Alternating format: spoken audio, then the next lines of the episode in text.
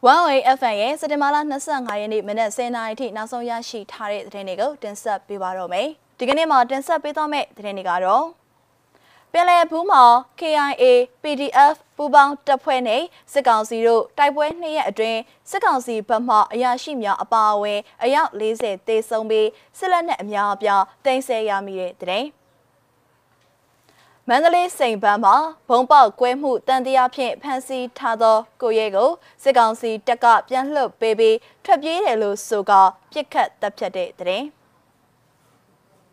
စစ်ကောင်စီခန့်အုပ်ချုပ်ရေးမှုနေအိမ်ဘုံခွဲတိုက်ခိုက်ခံရတဲ့တဲ့လွန်ခဲ့တဲ့နှစ်ပေါင်း3သိန်း2000ကအထည်ချုပ်အယိုးလက်နက်တွေကိုမော်ရိုကိုနိုင်ငံမှာတွေ့ရှိတယ်ဆိုတဲ့တဲ့အစရှိတဲ့သတင်းတွေကိုတင်ဆက်ပေးသွားမှာပါ။ ဦးဆောင်သတင်းကတော့စကိုင်းတိုင်းကသတင်းကိုတင်ဆက်ပေးကြပါမယ်။စကိုင်းတိုင်းပင်လယ်ဘူးမှာ KIA PDF ပူးပေါင်းတပ်ဖွဲ့နဲ့စစ်ကောင်စီတို့တိုက်ပွဲနှစ်ရက်ဖြစ်ပွားပြီးစစ်ကောင်စီဘက်မှအယောက်40တေဆုံးက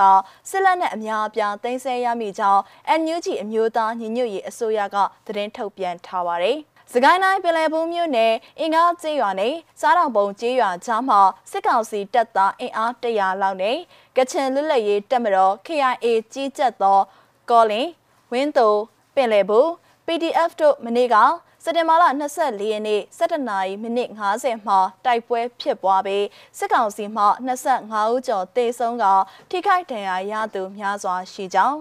ပင်လယ်ဘူး PDF ဘက်မှစစ်သည်9ဦးမစိုးရိမ်ရဒဏ်ရာရကြောင်းအမျိုးသားညီညွတ်ရေးအစိုးရကာကွယ်ရေးဝန်ကြီးဌာနကသတင်းထုတ်ပြန်ထားပါတယ်။အဲ့ဒီတိုက်ပွဲမှာစစ်ကောင်စီရဲ့ RPG တလက်60မမတလက်ချင်းကြားအလုံး90နဲ့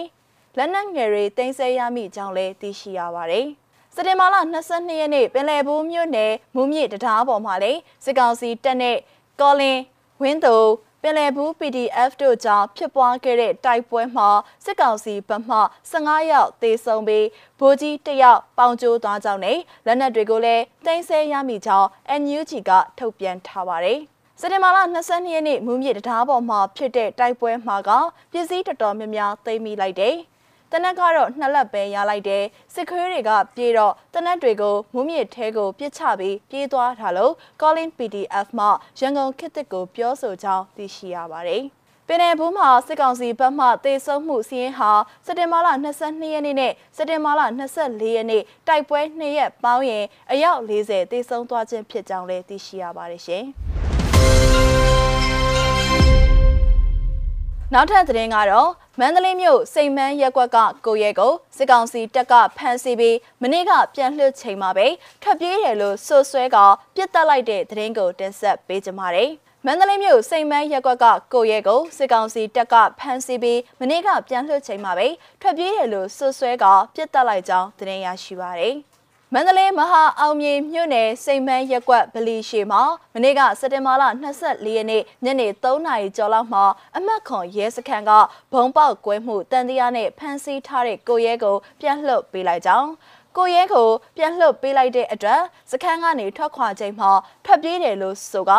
ရဲတပ်ဖွဲ့ကပြစ်တက်လိုက်ကြောင်းဒေသခံပြည်သူတွေကပြောပါတယ်။ စစ်ကောင်စီတပ်ဖွဲ့တွေကကိုရဲကိုပြစ်တက်ခဲ့ပြီးတဲ့နောက်အလောင်းကိုရဲစခန်းကိုပြန်လည်တည်ဆောင်သွားပြီးကိုရဲရဲ့အမျိုးသမီးဖြစ်သူမချောစုကိုပါရဲစခန်းကိုဖမ်းဆီးခေါ်ဆောင်သွားကြောင်းလည်းသိရပါတယ်။ တေဆောင်သူကိုရဲကိုအကြမ်းဖက်စစ်ကောင်စီတပ်ဖွဲ့တွေကစက်တင်ဘာလ22ရက်နေ့ညပိုင်းမဟာလူမှုကယ်ဆယ်ရေးအဖွဲ့ရုံးနာနေဖြစ်ပွားခဲ့တဲ့ပောက်ကွဲမှုဖြစ်စဉ်နဲ့ပတ်သက်ပြီးမတင်ငါ၍ဖမ်းဆီးခဲ့ခြင်းဖြစ်ကကိုရဲအပါအဝင်9ဦးကိုဖမ်းဆီးခဲ့ကြောင်းလည်းသိရှိရပါတယ်ရှင်။ဆက်လက်ပြီးမွန်ပြည်နယ်ကသတင်းကိုတင်ဆက်ပေးပါမယ်။မွန်ပြည်နယ်ရေးမြို့အောင်မြစ်တာရက်ကွက်အုတ်ချုပ်ရေးမှုဦးကျော်အောင်ရဲ့နေအိမ်ကို မနေ့ကစက်တင်ဘာလ24ရက်နေ့ညနေ3နာရီခွဲမှာဘုံခွဲတိုက်ခိုက်ခဲ့တယ်လို့ရေးမြို့နယ်ပြည်သူ့ကာကွယ်ရေးအထူးတပ်ဖွဲ့ YSDF ကထုတ်ပြန်ထားပါတယ်။စစ်ကောင်စီခန့်အုပ်ချုပ်ရေးမှူးဦးကျော်အောင်ဟာစစ်ကောင်စီအဖွဲ့တွေနဲ့ပေါင်းပြီးဆန္ဒပြသူတွေကိုဖမ်းဆီးတာနေအိမ်တွေကိုစစ်ဆေးတာတွေနဲ့ PDF အဖွဲ့တွေကိုဖမ်းဖို့လှုံ့ဆော်နေတာကြောင့်သူ့နေအိမ်ကိုဘုံခွဲတိုက်ခိုက်ပြီးတတိပေးတာဖြစ်တယ်လို့ YSDF ကဆိုပါတယ်။ YSDF အဖွဲ့ကတော့အုပ်ချုပ်ရေးမှုဦးကျော်အောင်အနေနဲ့စစ်ကောင်စီခိုင်းနာတွေကိုဆက်လုပ်ပါကမိသားစုဝင်တွေကိုလည်းအမြင့်ပါမကြမ်းတိုက်ခိုက်ချေမှုန်းသွားမယ်လို့တတိပေးထားပါတယ်။အုပ်ချုပ်ရေးမှုဦးကျော်အောင်ရဲ့နေအိမ်ကိုဘုံခွဲတိုက်ခိုက်ခဲ့ရပေမယ့်ထိခိုက်ဒဏ်ရာရတာတော့မရှိဘူးလို့မြို့ဒေသခံတွေကတန်လင်တိုင်းကိုပြောကြောင်းလဲသိရပါတယ်။ရင်းမြို့နယ်ပြည်သူ့ကာကွယ်ရေးတပ်ဖွဲ့ YSDF ဟာစက်တင်ဘာလ17ရက်နေ့ကရင်းမြို့မှရဲစခန်းကိုဘုံခွဲတိုက်ခိုက်ထားပါတယ်။ နိုင်ငံတကာသတင်းပတ်မှာတော့လွန်ခဲ့သောနှစ်ပေါင်း3သိန်း2000ကအထည်ချုပ်အယိုးလက်နက်တွေကိုမော်ရိုကိုနိုင်ငံမှာတွေ့ရှိတဲ့အကြောင်းကိုတင်ဆက်ပေးကြပါမယ်။သတင်းအပြည့်အစုံကိုတော့ရုပ်သံဖိုင်မှာရှုစားကြည့်ပါအောင်ရှင်။မော်ရိုကိုနိုင်ငံမှာတွေ့ရှိခဲ့တဲ့အယိုးလက်နက်တွေဟာ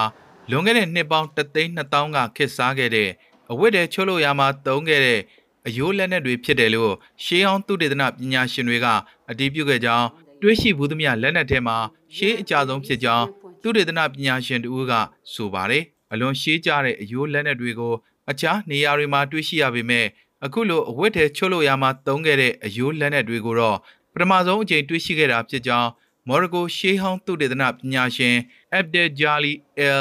ဟတ်ဂျရာအူအီကဆိုပါတယ်မြောက်အာဖရိကနိုင်ငံမြို့တော်မော်ရိုကိုနဲ့12မိုင်အကွာကမှောင်ခိုလို့အမည်ရတဲ့ contrabandier လှန်ကူထဲမှာအယိုးလက်နက်60ကျော်ကိုနိုင်ငံတကာသုတေသနအဖွဲ့ကတွေ့ရှိခဲ့တာဖြစ်ပါတယ်။ဒီအယိုးလက်နက်တွေကိုတရေနဲ့သားမွေးအထည်တွေအပါအဝင်အခြားလုပ်ငန်းတွေမှာသုံးဖို့ရည်ရွယ်ပုံသွင်းခဲ့တာဖြစ်နိုင်တယ်လို့ iScience Journal မှာဖော်ထုတ်ရေးသားခဲ့ပါတယ်။ဒီတွေ့ရှိချက်ဟာခေဦးလူသားတွေရဲ့မူလအစနဲ့ပတ်သက်တဲ့မေးခွန်းတွေကိုဖြေဆိုရမှာအထောက်အကူပြုလိမ့်မယ်လို့ အမျိုးသားယဉ်ကျေးမှုအမွေအနှစ်နဲ့ရှေးဟောင်းသုတေသန Institute အဖွဲ့ရဲ့ပညာရှင်အဲဟာဂျရာအူအီကဆိုပါတယ်